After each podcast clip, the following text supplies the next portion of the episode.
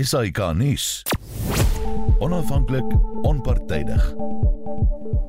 Ja baie dankie. Welkom by Kommentaar. My gaste vanaand is professor Theo Venter, dosent in praktyk by die College vir Besigheid en Ekonomie aan die Universiteit van Johannesburg. Goeienaand Theo. Goeienaand. Netwerk 24 se politieke redakteur Gert van der Westhuizen. Goeiemiddag of goeienaand Gert. Goeienaand Susan en goeienaand Theo. Wil nie hierdie dag met 'n einde kry nie. Professor Antoni van Nieuwkerk aan die Nisa se Tabo en Bekkie Afrika Skool vir Internasionale Betrekkinge. Goeienaand Antoni. Dankie, goeienaand Susan. My klankregisseur is Daiten Godfrey en my naam is Susan Paxton.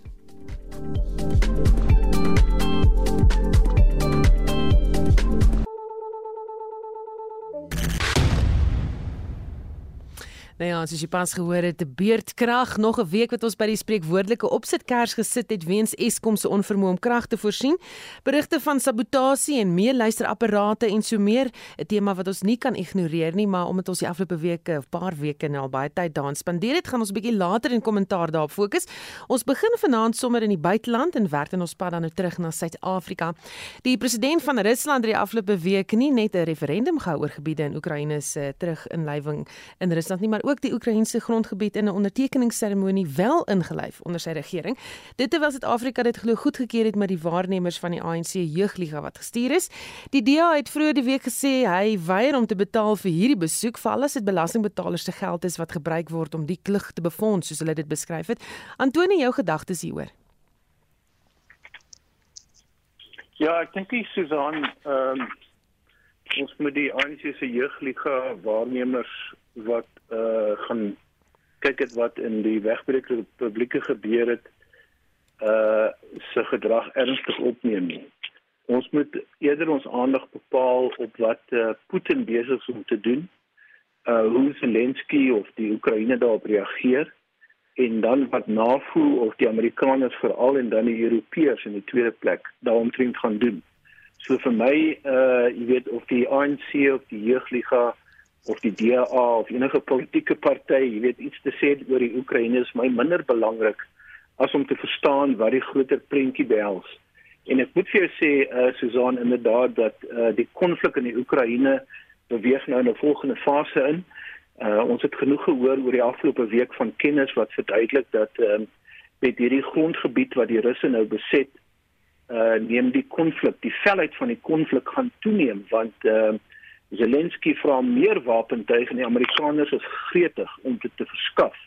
So die oorlog gaan toeneem en die die kommer wat me, en trouens Zelensky wil hê die Oekraïne moet nou aansluit by die Europese by die by ja by die EU en by NAVO uh sodat hy uh uh die Russe uh, beter kan kan uh terugslaan maar dit beteken dan 'n direkte oorlogvoering tussen die Russe en die Europeërs en die Amerikaners uh, en kenners waarsku dat uh, die gebruik van meer gesofistikeerde wapentuig uh die wêreld jy weet kan uh, kan negatief beïnvloed.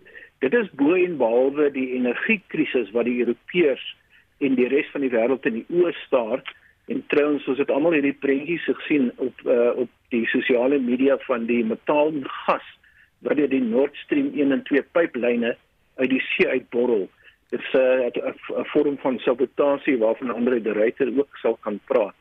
Ehm uh, en natuurlik is daar mense wat selfs meer bekommerd is net as die voedsel en energie uh, uh, krisis uh, wat die wêreld raak en dit is die moontlike gebruik van kernwapens. Ek dink ons aandag moet gefestig wees op die implikasies van die groter spel wat besig is om uit te speel in uh, in Europa. Mm. Soos jy genoem het, Oekraïne het aansoek gedoen om lidmaatskap offisieel nou lidmaatskap by NAVO. Ehm um, Gerd, soos my ma nou so sê as daar nou iets gebeur het wat nie moet gebeur het nie, hier nou staan oorlog. Ja, dat dat dat dis dis nie baie mooi nie soos Antoni reg op, maar ek dink ons moet ons steur aan die ANC en die DA en enige ander politieke party nie ons moet regtig fokus op wat daar gebeur. Dit Putin het nou Vrydag of Saterdag hy vier streke in ehm um, Vrydag Ja, maar die vier streke ingelyf en ek sien Saterdag die Oekraïense weermag Liman 'n belangrike stad in die besette Donetsk gebied weer herower.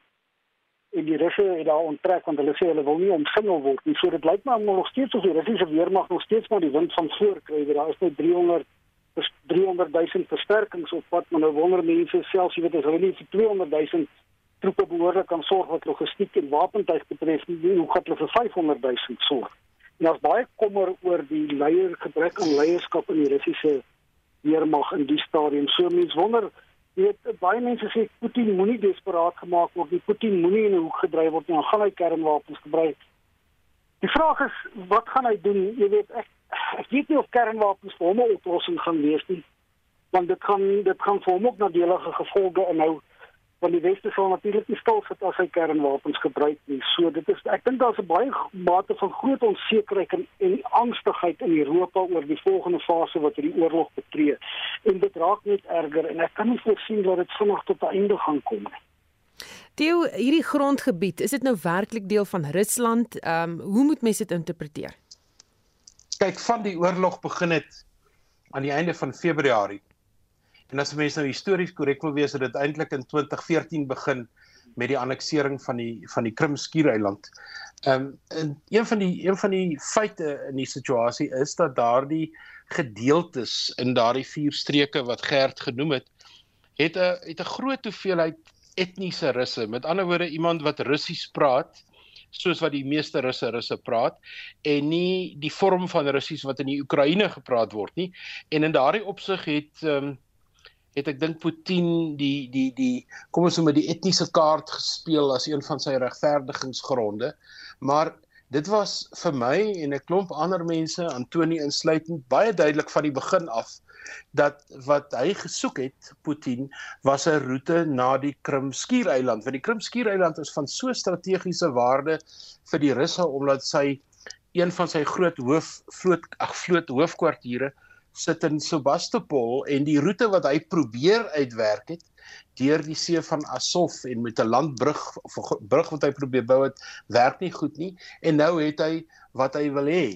En in 'n sekere sin is sy strategie wat hy lank aan gewerk het besig om te ontplooi val die Oekraïne binne onttrek en onderhandel oor die stukkie grond wat jy nodig het om kom ons sê nou maar in aanhalingstekens 'n hoofpad te bou na die Krimskiereiland toe en dit is wat hy op 'n manier het. Nou een van die faktore wat eintlik twee faktore wat nie genoem is in hierdie hele prentjie nie en ek is seker ons sou nog daarby uitkom is wat is die rol van China?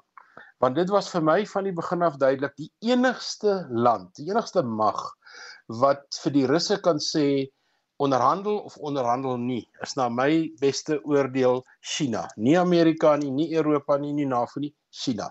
En die Chinese het die laaste week of twee begin wys hulle is nie meer lus vir hierdie storie nie. Die tweede faktor wat ons aan berekening moet bring en ek dink dit is sekerlik deel van Putin se langtermyn strategie gewees en dit is dis moeiliker vir die weste om 'n oorlog volhoubaar te ondersteun as wat dit is vir Rusland. Die weste het elke nou en dan demokratiese verkiesings en die gewone die gewone kiezer of dit nou in Engeland is wat met Liz Truss moet koop en of dit die Italianers is wat met 'n nuwe premier moet moet moet koop wat volgens die koerante net so regs is as Mussolini en wie ook al dit is net moeiliker vir Europa om so oorlog te volhou as wat dit vir die Russe is. Gert, hoor ek daar vir jou daar in die agtergrond? nee nee nee, ek is dood tog, maar jy is reg natuurlik. Ek sien ook ek het gelees bietjie in die, die spectator en die economist. Hulle sê ook jy weet die groot toets gaan nou wees hoe lank kan die weste ook nog uithou want daar's baie nadelige gevolge vir die weste weet in Duitsland is al baie groot vrese oor die energiekrisis wat kan ontstaan met die winter wat kom so daar daar word ook 'n pond vleis van die weste geëis hulle standpunt wat hulle neem en dit kan moeilik raak as dit langer aanhou en aanhou en aanhou. Weet mense daar is daar word ook nou in die Britse pers het ek gesien gesê jy weet die weste kan nie toelaat dat hierdie gebiede net bloot ingelei word nie want dit sal 'n president skep hulle moet optree. Maar daar is eintlik nie veel wat hulle nou nog verder kan doen dink ek nie. Jy weet ek ek, ek dink hulle het 2014 bietjie probeer en dit het gelos dit het nie veel van gekom nie en ek het nou dag ook 'n studie van die Amerikaanse War College gelees wat voor die inval in die Oekraïne geskryf is wat gesê het Dit as Rusland 'n land inval loop in een van sy buurlande is daar eintlik bitter min wat die wat die weste kan doen, jy weet behalwe sanksies, behalwe om wapens te gee vir vir die land wat ingeval word. Soos nou inderdaad gebeur op die op die oomblik. Antonie, jy het gesê die oorlog beweeg nou in 'n nuwe fase in. Wat gaan verder gebeur voorspel jy?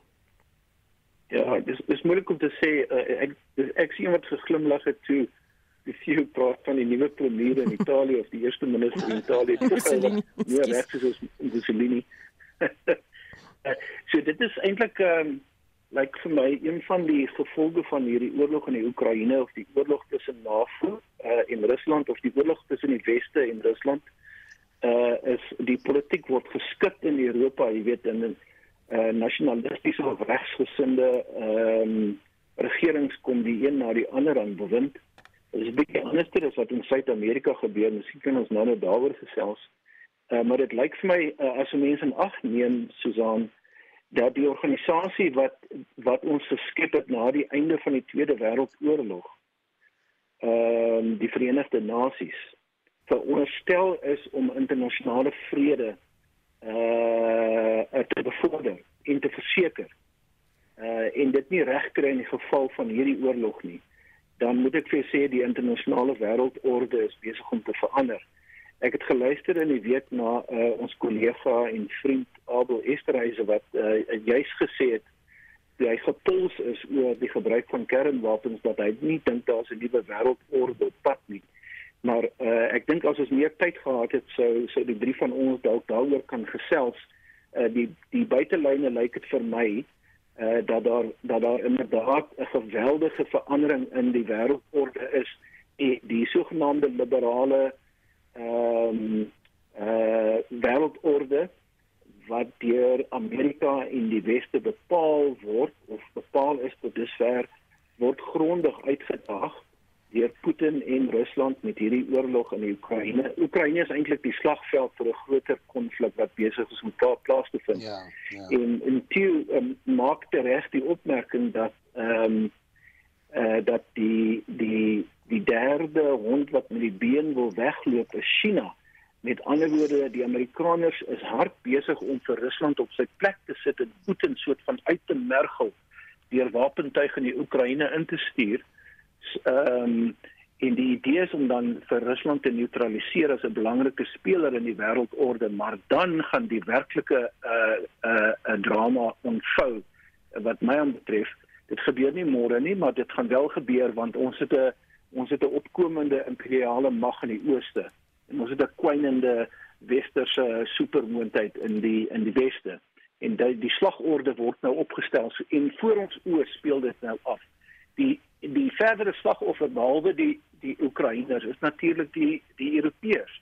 Ek het met twee Italianers gesels uh, oor 'n delfgroep paar dae wat vir my verduidelik het hoe hoe regs Italianers begin beweeg politiek polities, ja. maar ek het ook vir hulle gevra, is jy nog 'n Europeër?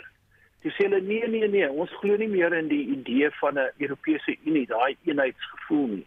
Dis besig om te verbrokkel. En uh, nou ja, dit is my nog 'n bewys van die van die veranderende aard van die wêreldorde en die onvermoë van die Europeërs en die Verenigde Nasies. Hierdie is instrumente wat die weste gevestig het na die Tweede Wêreldoorlog om seker te maak dat hulle manier van wet en orde gehandhaaf moet word. Uh, dit is besig om verkrummel. Dio jy het verwys na Liz Truss, die Britse eerste minister, sy het die wind van voorgekry met haar planne om die begrotings van onder meer maatskaplike dienste te sny. Truss hou glo aan om nie belastingverhogings te implementeer nie en wil die begroting nou laat klop deur op ander plekke die begroting te sny. Selfs lede van haar eie party is ongelukkig met die besluit en het aangedui dat hulle haar sal teenstaan en selfs uit haar posisie sal verwyder as dit moet. Nou die Guardian sê eh, nommer 10 Downing Street het tred verloor met realiteit. Stem jy saam? Kyk, ehm um, en ek net aansluit by die vorige gesprek en dit is natuurlik wat in Groot-Brittanje aangaan. Is in 'n sekere sin 'n uitvloeisel van presies dit wat Antoni ehm um, nou net verduidelik het die groter prent maar terug by Liz Truss. Nadat sy by Boris Johnson oorgeneem het was haar reddingsplan vir Groot-Brittanje is om groot ehm um, belastingsnitte in te voer en eintlik geld te leen om Groot-Brittanje te help om met sy energiekrisis um oor die weg te kom. En ek het 'n baie interessante artikel gelees in die New York Times waar hulle die die die die kort uh, kommentare van die Wêreldbank en die internasionale monetêre fonds en die die die klomp gaan ontleed het. Dis die naaste wat 'n mens daaraan kan kom wat iemand vir iemand anders skryf en jy met jou kop laat lees. Ehm um, die die kritiek op op op uh, op Groot-Brittanje en op Lus, op Lustras is ongelooflik. En ek weet nie hoe sy dit gaan volhou nie want uh, met Groot-Brittanje se inflasiekoers met die hoë rente en met die uh, onstabiliteit in voorsiening van energie is dit 'n geweldige risiko wat sy neem om om daaruit te kom. Maar dit is maar net 'n klein prentjie wat haar eintlik gered het. Miskien net 'n kant aantekening was die dood van die koningin. Dit het haar so 'n sagte landing van 2 weke gegee, maar dis nou verby. Nou is die die uh die die maanskyn en rose is nou oor en nou kyk sy die werklikheid in die oë. En ehm um, dit gaan ehm um, baie moeilik wees uh, vir haar om dit so vol te hou want wat ons sien in die wêreld en dit is nou een van die faktore wat gebeur het hier in die Oekraïne wat op papier eintlik 'n grensgeskil is maar wat ont, ontluik dit in 'n in 'n globale ehm um, gebeure is dat ehm um, lande moet hulle nou herskik. Ehm um, jy weet Suid-Afrikaners is baie kwaad vir Eskom soos ek nou vanaand hier met julle praat doen ek dit onder onder leiding van beerdkrag maar um, ons ons kry dit op 'n manier uitgesorteer maar ons is nie die enigste land wat hierdie soort krisisse op die oomblik beleef nie. Daar's 'n klomp lande wat ander forme van energie probleme het en en Gert het kortliks daarna verwys. Ek dink die die land met die grootste probleem wat binnekort gaan wees waar Groot-Brittanje nou is is waarskynlik Duitsland om voorsiening te maak vir gas. Hmm. Ehm um, as ons so warm somer gaan hê soos wat ons nou het in die lente, dan weet ek nie hoe koud gaan Europa hê in die winter nie. En as ons nou kyk na wat orkane in Amerika gedoen het, dan is ehm um, die klimaatsveranderingsmodel is nou nie no noodwendig 'n ding wat die lewe vir ons makliker maak nie. Gert Ja, kyk ek dink dis tog 'n baie moeilike werk. Ek dink ons het reg opgemerk dat die koningin se dood het tot 2 weke is so grasie gegee. Ek wonder partykeer miskien wie die mees onmoontlike werk sy of ander bereik het. Want by die raad gesê toe sy oorgeneem het, is die moeilikste omstandighede wat 'n Britse premier nog in vredestyd gehad het nie. Jy weet al partye is onder druk, al partye is verdeel. Die ekonomie van die land stagneer al vir 'n hele ruk. Dit gaan nie verder. Dit lyk nie of daar enige vordering gaan wees. Mense het al gewaarsku teen die belasting die sny van belasting hulle het gesê dit gaan nie werk nie. Hulle het gesê jy sal op ander plekke moet gaan geld soek. Ek het iemand gesien wat gesê jy kan nie uh, die beleid van Reagan wat 40 jaar oud is net so na Brittanje te oordra nie. Maar wat Antonio gesê het is baie baie belangrik. Ek dink beslis daar is 'n nuwe wêreldorde besig om te vorm en ek dink ook jy weet Brittanje was die eerste een wat weggebreek het uit die Europese Unie. Ander lande wil volg. Italië lyk glad nie meer lus daarvoor nie. Dis duidelik dat die twee groot moonthede in die stadium Rusland, China en ag die, die drie groot moonthede, Rusland, China en Amerika soek oral bondgenote. Jy weet ons was by Amerika, Amerika se minister van buitelandse sake was hier ons praat met Rusland, ons praat met China. Jy weet maar van gebeur wat Antoni voorstel dat uh, uh, Amerika Putin gaan uitmergel en Rusland gaan uitmergel en hy en, en China neem by hom oor. Jy weet in, in Amerika en China word enigste twee groot moonthede gaan Putin eintlik bereik wat hy nie wou bereik het. Hy gaan die teenoorgestelde bereik van waarom hy een van die redes waarom die oorlog begin het om weer Rusland te stuur te bou.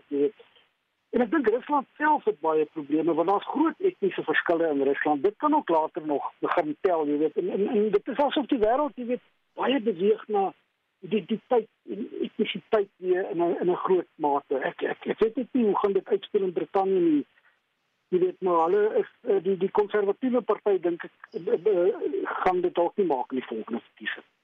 Antoni, wat se kans dat haar leierskap verby is voor dit nog begin het?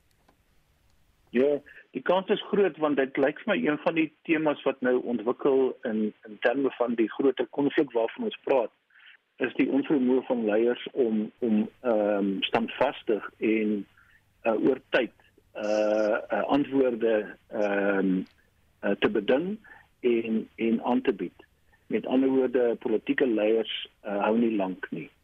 Uh dis gevolg van die onsekerheid uh waar die klimaat waarin ons self nou bevind. Ehm um, en van die belangrike lande wat wat verkiesings ondergaan. Ehm um, uh lyk vir my is dit die patroon. Ehm um, ek is seker daarvan dat Bolsonaro se einde nou getel word vanaand soos wat ons praat. En Lula da Silva gaan terugkom. Uh ek wonder die die die, die Britse politiek is is nie standvastig nie en dis is baie onstabiel. En ek dink nie sy's 'n sterk leier nie. Die manier waarop sy uh haar, haar beide kandidaate getroof het, was nie baie oortuigend vir my gewees nie. Uh dis uh Olaf Scholz Scholz Schulz uh in in Duitsland, uh, die Duitse ek wens ons het meer tyd om praat om te praat oor die Duitse politiek, maar die Duitse buitelandse beleid het het het handomkeer verander binne 'n paar maande van 'n van 'n liberale pasifistiese vredesoekende nasie na 'n aggressiewe militaristiese uh bondgenoot vir die Amerikaners in hierdie Europese konflik. Uh en in hierdie uh, omstandighede hou politieke leiers uh, lyk dit vir my nie baie nie. Ehm um, die die ander vraag waaroor jy seker op 'n ander aansal met kinders wil gesels Susan is wat gaan in Amerika gebeur met die volgende verkiesings? Ek voorspel ook dat eh uh, dat politieke leiers dit nie gaan maak nie en met nuus vervang gaan word. Mm, ons het verlede week in kommentaar gepraat daaroor. Ehm um, so sal dit verseker dophou, maar kom ons gesels ook oor Brasilië want jy verwys nou konstant daarna nou. In Brasilië is kiesers na die stembusse toe vandag om te stem vir of Luiz Inácio Lula da Silva wat gesê het hy sal Brasilië terugkry of vir Jair Bolsonaro. Lula nou ja, Lula da Silva sê hy wil net vrede hê in sy land wat onder geweld deurgeloop het sedert Bolsonaro aan die stuur van sake was. Wie is hierdie twee? Wel, as ek kan antwoord, Bolsonaro is die Brasiliaanse Donald Trump. Dan dis die maklikste om hom te beskryf. Dis 'n man wat nie geskryf as 'n Trump of 'n Trump. nou ja, hy het nie geglo aan COVID nie. Ons weet wat gebeur het. Hy's nie 'n man wat uh, aan klimaatsverandering glo nie. En Lula da ja. Silva is 'n belangrike ander kandidaat wat al van tevore president was en aan die einde gekom het vanweë korrupsie, 'n tydjie in die tronk spandeer het as gevolg van korrupsie. Dit herinner ons 'n bietjie aan president Zuma, 'n kort tydjie en uh, hy het sy vonnisse toe gekanselleer en uh, hy staan weer. So die die verdeling in Brasilië in Brasilië is is geweldig en ek stem met Antoni saam. Die dit lyk vir my of die tydsgees wegbeweeg het van Bolsonaro af. En dit maak nou dat die Brasiliane en die vennote van Brasilië bekommerd is dat Brasilië weer kan terugval op 'n militêre tipe regering as Bolsonaro dit nie maak nie. Want ons weet Brasilië is al 'n paar keer deur sulke periodes van militêre of semi-militêre regering en dan weer 'n uh, siviele uh, burgerlike regering. So dit laat 'n groot klomp onsekerheid Antoni enige aanduidings wie voorloop of gunsteling is Ja dit lyk vir my as ek sien die die die media dophou dat ehm um, dat Lula da Silva 'n goeie kans het om hierdie verkiesing te wen.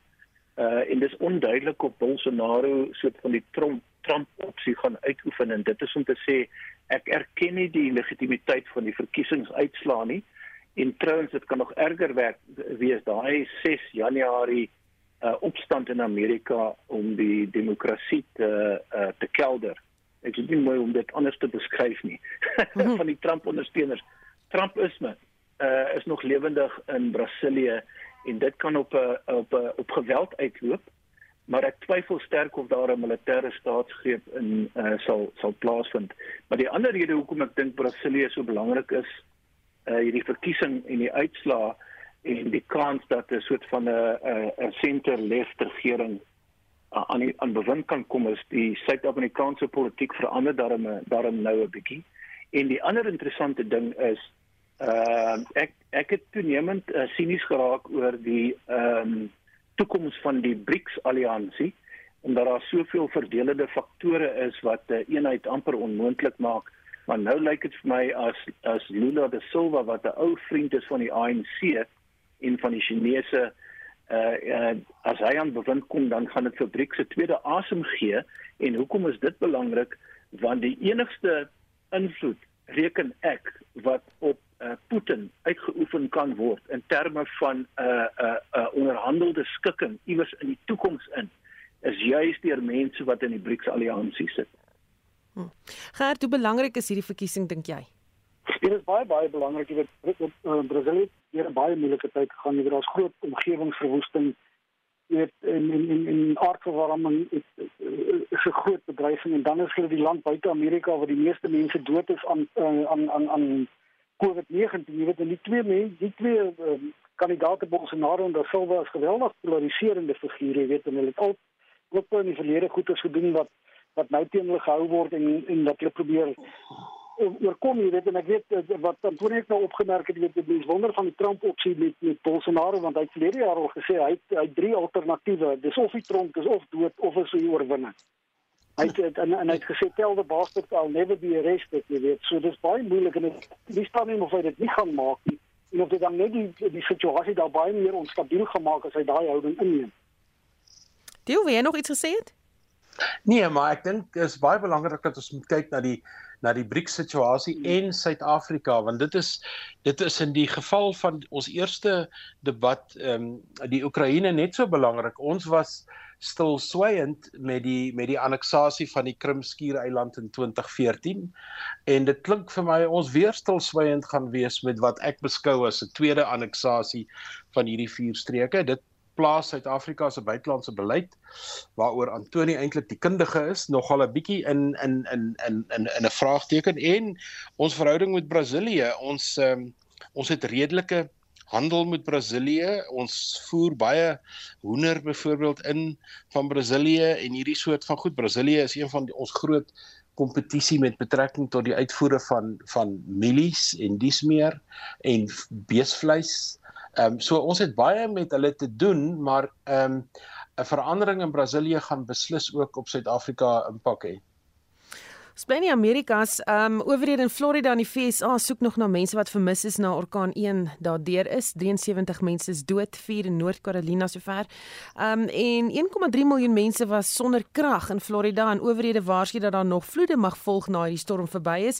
President Biden het laat gistermiddag gesê hy gaan persoonlik soontoe reis om te kyk wat aangaan. Die weet hy het ook gesê sommige sal vergoed word vir uitgawes wat aangegaan is om kragopwekkers te huur en so meer. En nooddienswerkers en rampelwerkers was baie vinnig op hulle pos. Maar Maar soos julle ook vroeër gesê het, klimaatsverandering is besig om dinge baie te bemoeilik. Gaan daar meer daadwerklike planne in plek moet wees om sulke gevalle te hanteer, Antoni? Sjoe. dis dis 'n moeilike vraag. Ehm um, uh, ek dink daarom uh, in terme van 'n uh, krisisbestuur uh leer ons met elke orkaan of uh, tsunami of ehm um, uh, 'n uh, uh, klimaatsveranderingskrisis wat plaasvind hoe om onsself beter te ehm um, voor te berei vir wat kom. Uh en dis uh, ons onthou jy die drama in Amerika met uh was dit uh uh die orkaan se naam kan ek nou nie onthou nie. Uh, Katrina, Katrina, Katrina, Katrina, Katrina. Ja. Ja, en die dramas wat hulle afgespeel het uh en die onvermoë. Ek dink die die regerings uh uh oor in in die weste en in die ooste uh is beter voorberei en ons leer ook ons lesse in Suider-Afrika want ons loop ook deur deur uh, uh erge klimaat uh uh, uh slegte weeromstandighede. Ons leer beter om hierdie goed te bestuur, maar ek moet sê op die keper beskou het die krisis in die Oekraïne die klimaatsveranderingsagenda op die agtervoet geplaas. Trouwens hmm, daar's in komende maande is daar nou veronderstel om weer 'n internasionale byeenkoms te wees waar lande hulle self moet verbind aan jy weet nuwe ehm um, uh ehm um, uh, klimaats uh beleids uh, uh aanpassings en opsies wat uitgeoefen moet word en uh, teikens wat behaal moet word maar as gevolg van die energie en voedselkrisis beteken dit dat hierdie ehm um, uh standaarde wat gestel word om te voorkom dat die aarde so vinnig verwarm van die agenda af is. Trouens steenkoolstasies en myne en ehm um, energieopwekkings uh eenhede word nou oopgemaak waar hulle toegemaak was in die verlede. En trouens steenkool is nou weer 'n gesogte produk en ons sal heel waarskynlik ons uh, inkomste verbeter met die uitvoer daarvan en dit beteken eenvoudig dat ehm um, die groot die groot drama rondom klimaatsverandering word nou in die yskas gesit want ons probeer uh, dink hoe gaan ons 'n uh, kernoorlog kan vermy. Hmm. Gert Ja kyk ek ek wonder baie keer of mens regtig kan voorberei op klimaatsverandering kan en kan voorberei op die woeste storms wat ons tref. Daar is gesê in KwaZulu-Natal met die vloede vroeër verjaar ons was nie voorberei daarop nie. Ons moet kyk dat mense nie onder die vloedlyne bou nie. Dan moet kyk dat daar opgeleide mense is, paramediese reddingswerkers en al. Jy weet maar as jy nou kyk net na syfers van die Florida storm, dis so ongelooflik. Maar genoeg 837000 sake ondernemings huise was sonoggend vanoggend nog sonder elektrisiteit. Op die eerste aan van die storm is die toevoer na so wat 2 miljoen mense onderbreek. Jy weet dit is verskriklik baie. Die geboue is verwoes. Ek dink daar's tot 40, nee 400 geboue is heeltemal of grootendeels verwoes. Die skade gaan tot 47 miljard rand beloop en dit ter dit dis maak dit die duurste ramp sedert orkaan Andrew Florida in 1992 getref het. So dis jy weet as 'n eerste wêreldse land soos Amerika sukkel met goed maar storms is natuurlik baie woester as ons en dit is 'n teken dat dit baie moeilik is om so iets voor te berei. Maar mense moet maar soveel moontlik doen wat jy kan om dit voor te berei. Die Suid-Afrikaanse ontwikkelingsgemeenskap gaan ook 'n krisissentrum dink ek vir sulke storms as dit nou in Botswana vestig.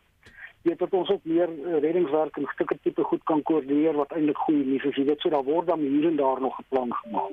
Wel Botswana is 'n baie goeie keuse, is ver van die see af maar die die ding met die die ding met Florida is interessant. Ek ek het 'n hele paar tyd daardeur spandeer en en en gery tot op die mees suidelike punt van die van die van die skiereiland. Ehm um, en en daar oor die Karibiese See gekyk.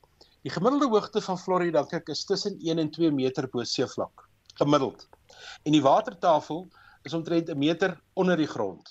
Nou kry jy 'n um, 'n opwelling van die see, hulle noem dit in Engels 'n storm surge mm -hmm. wat so 2 meter styg. Wat beteken die see spoel reg oor hierdie ehm um, hierdie landgedeelte. Nou ek noem nou Florida as 'n voorbeeld, maar as ons nou na die Indiese Oseaan kyk, is daar 'n hele paar eilande waar Suid-Afrikaners graag gaan vakansie hou wat presies dieselfde ontwerp het. Daar's 'n Amerikaanse lugmagbasis in die middel van die Atlanties ag van die Indiese Oseaan wat 1 meter bo seevlak is.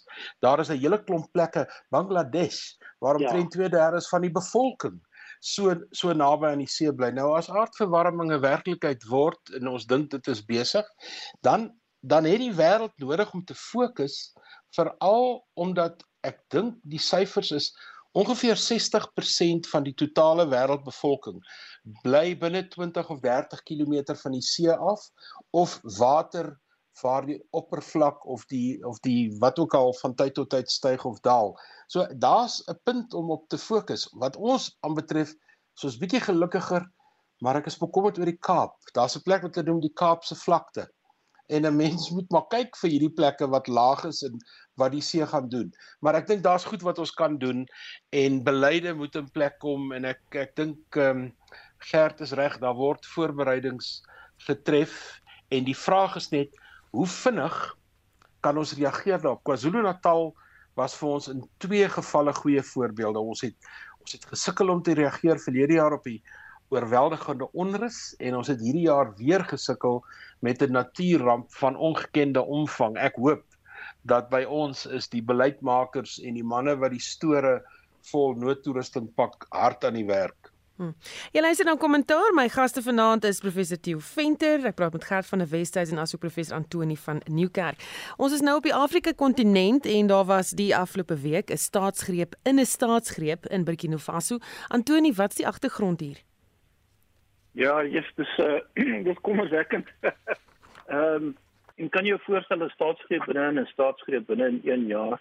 Ehm um, so so uh, in in Wes-Afrika ehm um, waar die meeste onafhanklike lande voormalige kolonies van die Franse was. Uh speel die soldate of die weermag of die militêre uh 'n politieke rol. So die die verhouding tussen die bevolking en die weermag is 'n ongesonde een want die weermag is van die oortuiging dis 'n kultuur wat posgevat het dat uh, onder onder soldate dat as 'n verkose regering nie in staat is om dienste te lewer nie, dan moet hulle maar uit die weg geruim word deur die militêre wat uh, weet hoe om wet en orde te handhaaf en 'n hiërargie kan toepas totdat die tyd reg is vir ehm um, vir uh vir 'n verkose regering weer terug te kom. En so oor oor verloop van tyd het uh het dosyne en dosyne uh staatsgrepe in Wes-Afrika plaasgevind dis 'n ding wat ons nie eintlik tuister in Suider-Afrika nie behalwe een land waarna kan dink en dit is Lesotho waar daar ook 'n versteurde verhouding is tussen die die militêre en die polisie en die politici. En die mense het 'n bietjie van 'n begrip vir die vir die weermag se opsie want partykeer uh, uh wangedra die polisie politici hulle self verskriklik en moet dit die bek geruk word en dit is dalk een van die tekortkominge van die demokrasie uh hoe verhoed jy dat 'n staat ehm uh, jy weet gevang word en misbruik word? Uh nou in Wes-Afrika is daar nie 'n oplossing vir die probleem nie want dit is 'n kultuur wat posgevat het oor baie jare heen en ehm uh, met die onstabiliteit wat nou weer posgevat het as gevolg van die die inplof van Libië en en Gaddafi wat ehm um, deur NAVO uitgehaal is, het uh, die land ehm um, se wapens versprei dwars deur Noord-Afrika in die Sahel in en in Wes-Afrika en die die die mense van Afrika word toenemend getuister deur gewelddadige bendes. Ehm um, hoe sal 'n mens violent extremism vertaal in Afrikaans? 'n Vorm van terreur. Ehm um, en hulle dis soort van 'n uitvloeisel van die tipe van goeders wat in radikalisme wat ons in die Midde-Ooste gesien het. Uh dit vertaal maklik na dele van Afrika waar mense regtig waar niks het om voor te leef nie en uh waar ehm um, met 'n bietjie geld en 'n wapen in die hand jy weer uh, 'n lewe kan vir jouself kan ophou. Daai radikalisering het nou in Burkina Faso posgevat die regering is is het het nie die vermoë selfs met die samewerking van die Franse om hierdie terreur hok te slaan nie. En die weermag het gesê dis ons tyd. En dan sê die een kaptein of generaal nie nie eens generaal nie korporaal ehm um, ons gee vir jou 'n paar maande kans om te sien of jy wet en orde kan herstel en as jy dit nie reg kry nie dan verwyder ons jou met die volgende korporaal. Maar ek moet ook vir jou sê my laaste sin hieroor is 'n mens dit is 'n bietjie van 'n donkerder prentjie selfs as as wat ek nou hier skets.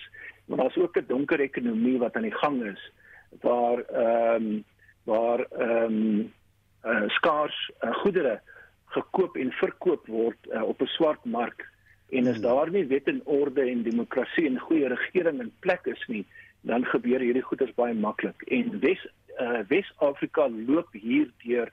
Dis nie net uh, Burkina Faso of Mali of Chad nie, maar selfs die reus van Wes-Afrika, die reus van Afrika, Nigerië sukkel toenemend om hierdie tipe van wet en orde te handhaaf. En ek voorspel niks goeds vir die volgende paar jaar nie. En ek wil ook sê dat die Afrika Unie het weet nie hoe om hierdie saak op te los nie. Gert, hoe belangrik is dit dat daar stabiliteit in hierdie land en gedeelte van Afrika moet wees? Dit is natuurlik altyd belangrik dat daar stabiliteit moet wees, weet, want onstabiliteit veroorsaak migrasie, dit veroorsaak vlugtelinge, dit veroorsaak ongelooflike wankelrige ekonomieë waar mense alreeds sukkel, het hulle nou nog minder Dit wat vir my ook interessant is, daar's weer 'n baie 'n ge, gevoel teenoor die Franse wat daar in Burkina Faso posgevat het. Ek sien daar was 'n gewelddadige betoging voor die Franse ambassade en ondernemings met Franse bande is aangeval en daar is baie Russiese vrae rondgeswaai en dan iemand daar mense daar gesê hulle wil eerder met Rusland saamwerk en hulle wil hê dan nie maar die regering in, in Frankryk moet uit die land uitgaan jy weet. So dit dit skep baie natuurlik sulke onstabiliteit is natuurlik 'n absolute droom vir die radikale groepe want in sulke onstabiliteit onstabiele toestande kan sulke radikale groepe gedei. Hulle gebruik die onstabiliteit en hulle vererger dit nog jy weet en en en, en dit dit voorstel niks goed vir Afrika nie en en, en die dit die vasteland jy weet ons kan nie sê dis ver van ons af nie want dit gaan ons later aan beïnvloed. Uh, soos ons al gesien het ons het hoeveel vlugtelinge gekry uit, uit, uit baie dele van Afrika met die onstabiliteit wat daar geheers het. So dis vir ons ook nog beter dat daar stabiliteit heers in sulke lande. Jy Ja, ek wil op die stabiliteitsfaktor ook 'n bietjie inzoom en en wegkom uit Wes-Afrika en sommer na Suidelike Afrika toe kom. Ehm um, Antonie het, het Lesotho genoem. Nou Lesotho is baie belangriker in ons strategiese pad vorentoe as wat ons dink ten spyte van hulle onstabiele politiek. Want nie alleen is 'n baie groot deel van die Witwatersrand afhanklik van die water wat van Lesotho afkom nie, maar een van die kortertermyn oplossings vir ons energiekrisis want ons weet die bou van 'n van 'n steenkool of 'n kernkragsentrale 10 jaar, 15 jaar. Maar van hierdie pompskemas wat ons baie effektief gebruik in die Drakensberg en by Angola is korter en baie baie effektief.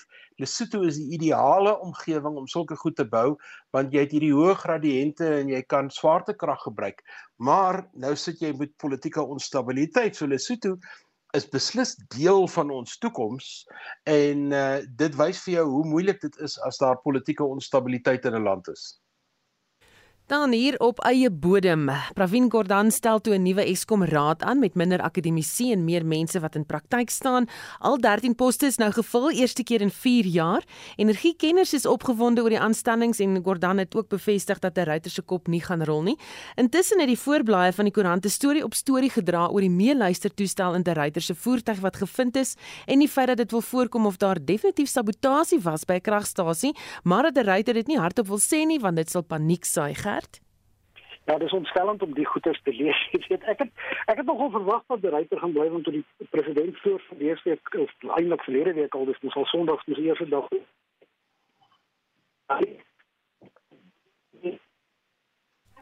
Gert, lyk vir my jou uh, telefoonlyn is daar so bietjie swak. Ons gaan gou kyk of ons jou kan terugskakel. Intussen, Theo, okay. het jy gedagtes hieroor?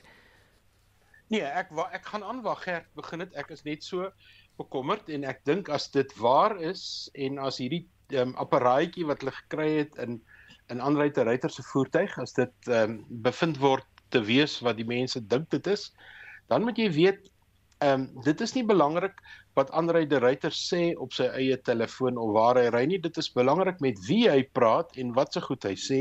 En dit sê vir jou wat is die diepgang van korrupsie en wat is die diepgang van onwettige bedrywighede in Eskom. Eskom is 'n enorme besigheid. Ehm um, eintlik 'n 'n ongelooflike groot masjien en as jy as jy hierdie soort van goed raak sien en as dit wat by Camden gebeur het blyk sabotasie te wees, ons weet dit het al hier in die kragsentrale oorkant vereniging ook al gebeur en 'n paar ander plekke. Ons weet dat daar sabotasie was op ehm um, vervoerbande want die oomblik wat die vervoerband breek of in die brand slaan, dan moet die steenkool met vragmotors aangery word en ons weet dat daar allerlei ehm um, ehm uh, syndikaate daarbey betrokke is. Ehm um, ek dink dit was ehm um, Dirk Herman wat aangehaal is in die Sondag pers waar hy gesê het die probleem is nie Andrei de Ruyter nie. Die probleem is Andrei de Ruyter staan op die suurstof toevoerpype van die kriminele. Ek dink dit was nogal 'n skerp opmerking oor presies wat die dilemma op die oomblik is. Hmm. Antoni, uh, ons sit in die donker en dit wil voorkom of hier, wat is daai Engelse uh, uh, jy weet jy weet 'n tekenprentjie wat hulle het spy versus spy gespeel? Ja, Ehm um, ja, ek koop Gert is terug en laat nie 'n afluister afluister apparaat daar op sy telefoon sit. Oh, iemand hom nou afgesny het nie. en en sy suurstof nou kom ons afgesny het nie. Ja, maar ehm um, ja. daar daar's spy versus spy. Daar's daar's een van twee vertolkings van wat hier aangaan wat my betref. Die eerste een is dat eh uh, Tuli Madonsela het het onlangs gesê dat eh uh, die A, die die die era van van staatskaping is nie verby nie en dat die staatsdiens nog deur vlek is met uh kriminele uh, bendes en so 'n soort van gepraat van 'n 'n spinnekop web, 'n spider's web of criminals wat sit in van hierdie agentskappe en uh en organisasies. Ehm um, ek ek vermoed sy's reg. Dis 'n een vertolking dat dat Eskom so groot is en so uh groot begroting het uh dat georganiseerde misdaad bendes uh Eskom besig is om leeg te steel van brandstof en diesel na na wat uh, spare parts na die die onderdele wat nodig is uh, om onderhoud goed toe te pas. Dis die een groot vertolking wat ek dink dalk aan die gang is. Die ander een waarvoor mense nog 'n bietjie bewyse sal moet kry is dat hierdie politieke komplot is, uh Susan. Oh hmm. om uh, vir die president en sy groep uh, hervormers in die skande te steek sodat teen Desember uh, ander mense verkies kan word om die ANC te lei. Gert, jou suurstof is nou herstel, so jy kan ja. voortgaan. Ja, kom ons hoop dit is herstel. Ek stem saam met julle, dis dis geweldig moeilik. Eskom was heeltemal gekaap geweest nie. En om so 'n instelling te kom ons gebruik nou maar die woord ontkaap is nie maklik. Jy weet want daar's bendes, daar's syndikaate, daar's mense wat he, baie baie geld uit Eskom uit gemaak het en nou soos Dirk Herman sê, nou sny hulle al suurstofpyp af. Wel, hulle gaan dit net gelate aanvaar nie. Hulle gaan hard beklei daarteen, jy weet en en ek dink dis wat nou gebeur het. Ek het nou die dag na die ryker geluister so weer by een van die plek gepraat het van hoe pryse, jy weet, buitensporig verhoog word. Jy betaal byvoorbeeld R8000 iets wat jy R80 kon voorbetaal het. Jy weet en van by die van die kragstasies word van die gereedskap gesteel en dan terugverkoop aan die kragstasies. So dis 'n baie lonende besigheid. En jy gaan dit nie sommer binne 'n maand of wat gaan jy dit uh, uitdoen nie. Die president het juist nou die nou ek wou sê vir my suurstof af te sny het hy gesê die parlement, die ryte wil doen nou so goed teen korrupsie, nou wil hulle van hulle ontslaa raak. So dis belangrik ons kan dalk sukkel met weerkrag en alles, maar dit is 'n groter geveg hierdie as bloot net om die krag aan te hou. Dit is om die korrupsie uit te roei en daai en daai kultuur in Eskom te verander en dit gaan nie maklik wees nie. Dit en, en dit dis 'n moeilike moeilike werk wat bereid op die oomblik moet. Tio, wat dink jy van hierdie nuwe raad? Gaan hulle die verskil maak waarvoor almal hoop? Wel, die voorsitter is uh is is uh, op die oomblik voorsteur van een van ons vyf groot handelsbanke. Ek dink dis iemand met met ervaring wat weet hoe werk dit in die bedryf. Ek sien daar is 'n klomp kundiges, um, daar is ingenieurs, daar is 'n hele sterk groepie ehm um, uh um, vakkundiges, veral ehm um, ouditeurs, mense wat groot finansiële stelsels verstaan. Wat ek nie kan verstaan nie, Susan, is hoekom het Pravin Gordhan en sy voorgangers so lank gevat om die raad te voltooi of die raad volledig te maak ten spyte daarvan dat daar versoeke daartoe was. Ehm um, en uh, die een ding wat ons nie moet um, verwag nie is dat 'n nuwe raad 'n uh, vinnige verandering aan beerdkrag sal bring. Dis ongelukkig ehm um, nie wat hulle sal kan doen nie. Wat hulle wel sal kan doen is om die is om die ehm um, bestuurstrukture, bestuur en beheer, governance in Engels, um baie beter onder beheer te kry. Ek dink die vorige raad al was hy klein en begin daarmee.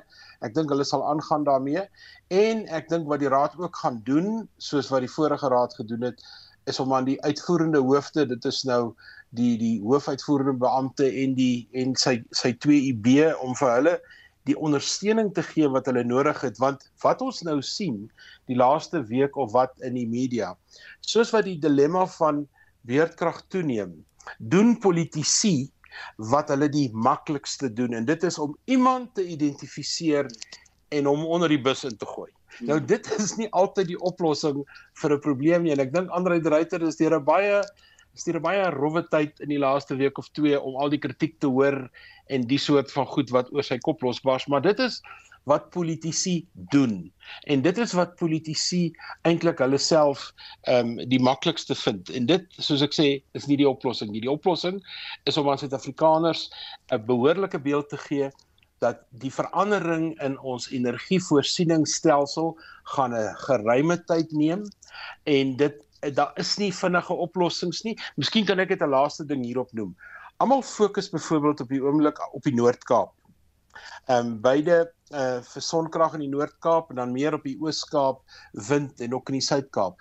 Daar is grafieke wat wys dat Duitsland wat baie sterk ehm um, daarop ehm um, staat maak om wind en sonkrag te kry, daar was al dae wat beide zero energie opgewek het. So dit is 'n hulp, maar hy gaan vir jou drop ergens langs die pad. Die die die fokus skuif nou byvoorbeeld na Noordwes. Hoekom Noordwes? Wel, Noordwes en die noordelike gedeelte van die Vrystaat is vol um kabels van myne wat nie meer werk nie, van kragkabels wat braak lê en wat nie behoorlik benut word nie. Dis waar sonplase nou gebou moet word want daar is net nie genoeg transmissie vermoë van die Noord-Kaap na Gauteng toe nie. So ek dink ook dit is die soort werk wat die ehm um, wat die nuwe raad kan doen is om 'n strategiese prent te skep en ek hoop tog net ehm um, Gwede Montash beïnvloed hulle nie te veel nie. Antoni? Ja, miskien kan ek net twee goed byvoeg. Uh, uh die die eerste een is ehm um, ek sou miskien wou gehad het dat ehm um, iemand een van die raadslede uh 'n persoon moet wees met kennis van sekuriteit uh, afgetrede polisiehoof uh, of 'n weermagman of 'n sekuriteitspersoon.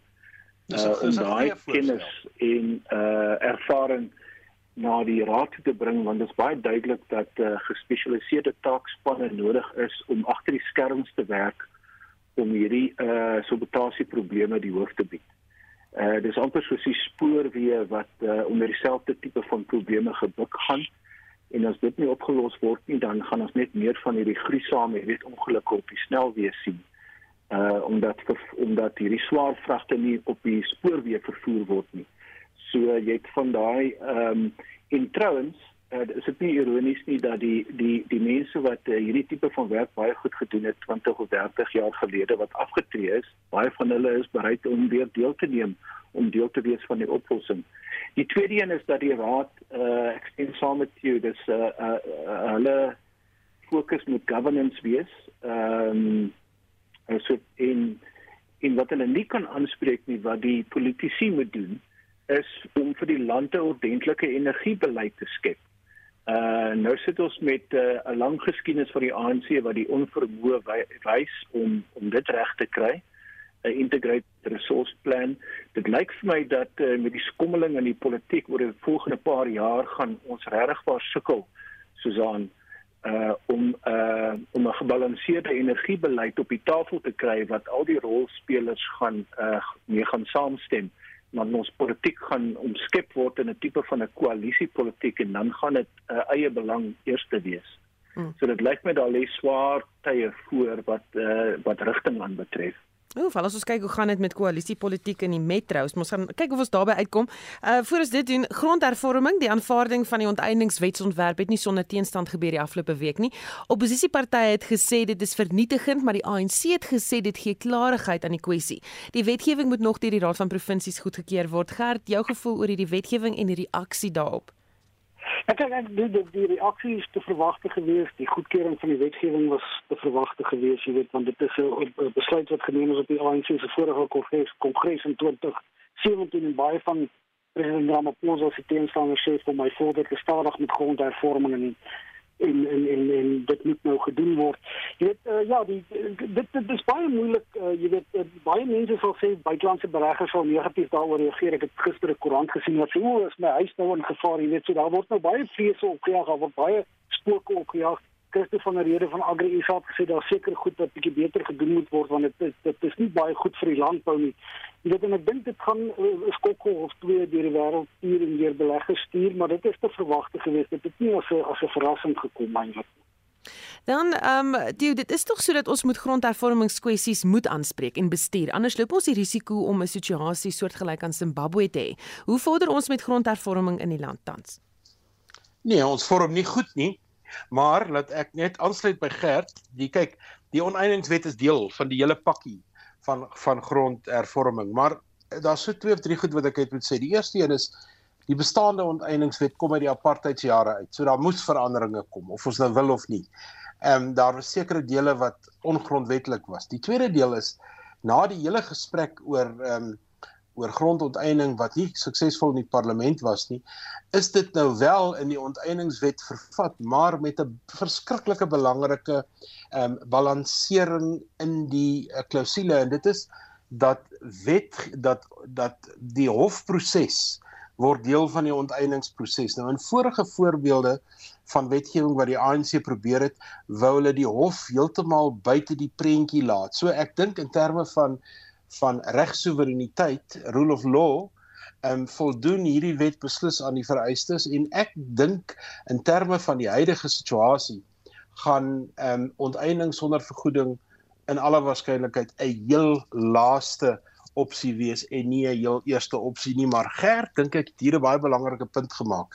Ehm um, die verkiesingskonferensie is nou oor 'n maand of 2 En een van die goed wat gebeur by 'n verkiesingskonferensie is mense gaan kyk na watter besluite het ons geneem in 2017 hmm. en dan vra hulle nou hoe het julle hieraan voldoen? En wat die ANC nou sal moet antwoord is ons was onsuksesvol in die parlement want ons wou nie eintlik suksesvol wees nie. Dit sal hulle nie bysê nie. En aan die tweede plek sal hulle sê ons het dit reg gekry om hierdie besluit te vervat in die onteieningswet. Ek dink dis eintlik wat agter die hele prentjie lê en nie om mense se grond of eiendom te steel nie. Antoni, kan hierdie wetgewing ons lidmaatskap aan organisasies soos byvoorbeeld AGOA bedreig? Ja. Ehm um, ja, ek wil net vinnig sê uh, vir Theo dat ehm um, ek wonder of hy uh, oortuig is dat die ANC die vermoë het om 'n beleid te formuleer by hierdie konferensies. Uh, ek het ek het my vertroue daarin verloor. So dit maak nie saak regtig waar wat watter beleidsopsies belangrik is of nie belangrik nie. Uh vir ons is dit belangrik. Uh vir die organisasie gaan dit oor politieke oorlewing en wie uh, die top 6 verkies moet word en so aan en so meer. Uh Lyk vir my as dit daar vir Antoni verloor, dan kyk of ons hom kan terugkry. Intussen net so vinnig tussen jou uh, Theo en Gert, ehm um, die ANC het intussen die burgemeesterskap van Johannesburg Metro oorgeneem. Die DA burgemeester Palatsi is vervang deur Dada Morero van die ANC. Wat maak julle van hierdie gebeure, Theo? Wel, ehm um, ons moet weet dat in die in die metros is dit minderheidsregerings wat regeer. So die regering is per definisie ehm um, altyd kwesbaar. En ek dink die ANC het hier daardie kwesbaarheid uitgewys in samewerking met die EFF ehm um, en ek dink die rol wat Action SA gespeel het en die PA gespeel het en ook Cope gespeel het is baie belangrik. As die oppositiepartye saam in 'n koor sing oor 2024 dat die ANC is oorwinbaar en jy kyk na wat gebeur op die grond in die metros dan weet ek nie of die twee stories altyd bymekaar uitkom nie. So hier is hier is groot onsekerheid wat nog wag en dit lyk vir my die volgende ronde sal in die Oosrand Ekoleni wees. Ons sal kyk wat hulle daar aanvang en dit is natuurlik vir die EFF ook 'n uh, 'n moeilike posisie. Hulle amptelike posisie is geen samewerking met die ANC nie, maar lyk my dis ook maar net amptelik vir 'n kort rukkie. Gert Ja, ek sien jy het dit het vanaand gesê hulle gaan hulle gaan nou nog niks doen oor die Oosrand nie. Dit is bloot spekulasie en bespiegeling is eintlik die regte woord. Hulle is nou nog nie betrokke daarso nie, maar nou ja, soos jy sê, hulle ander môre praatjies stem nie altyd oor een nie. Ja, kyk, daar's baie van die alliansie vennote, veral van die kleiner partye wat maar baie onbetroubaar is en ek dink die Patriotic Alliance is een van hulle. Dis ek vir iemand voor die week gesê ek gaan eerder met my kat in 'n alliansie as die Patriotic Alliance. Hy's baie onvoorspelbaar, maar hulle is baie meer onvoorspelbaar. Jy weet en ek dink ook ehm um, Daar's nou mense wat sê die DA is ook arrogant. Hulle wil nie genoeg van die kleiner partye in die regering van die staatsraad betrek nie. So dit lyk vir my daar's baie werk om te doen met koalisie regering. Ek het vroeër het met Corneil Mulder gepraat en sê ja, hulle sal bietjie met die Patriotic Alliance praat en vra hoekom hulle verander het, hoekom hulle die koalisie regering gedraai.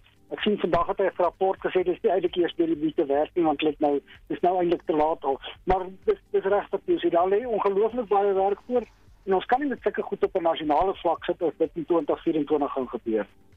Baie dankie. Dit dan kommentaar vanaand. Dit lyk vir my Antoni se suurstof is daar afgetrap. Ons kry hom nie terug op die lyn nie. Maar ek het gesels met eh, professor Antoni van Nieuwkerk aan die Nisa se Tabo Mbeki Afrika Skool vir Internasionale Betrekkinge, Netwerk 24 se politieke redakteur Gert van der Westhuizen, as ook uh, professor Theo Venter, dosent in praktyk by die uh, College vir Besigheid en Ekonomie aan die Universiteit van Johannesburg. Onthou volgende naweek sou ons kommentaar regstreeks uit van die plataan by die Woordfees in Stellenbosch. Jy is welkom om te kom saam luister en selfs te vra aan die gaste. Dis by die Plataan in Reineveldstraat in Stellenbosch as deel van die Woordfees. Moenie dit misloop nie. En dit daarmee groet ek. My klankregisseur vanaand is Daiter en Godfrey. My naam is Susan Paxton. Geniet die res van jou aand.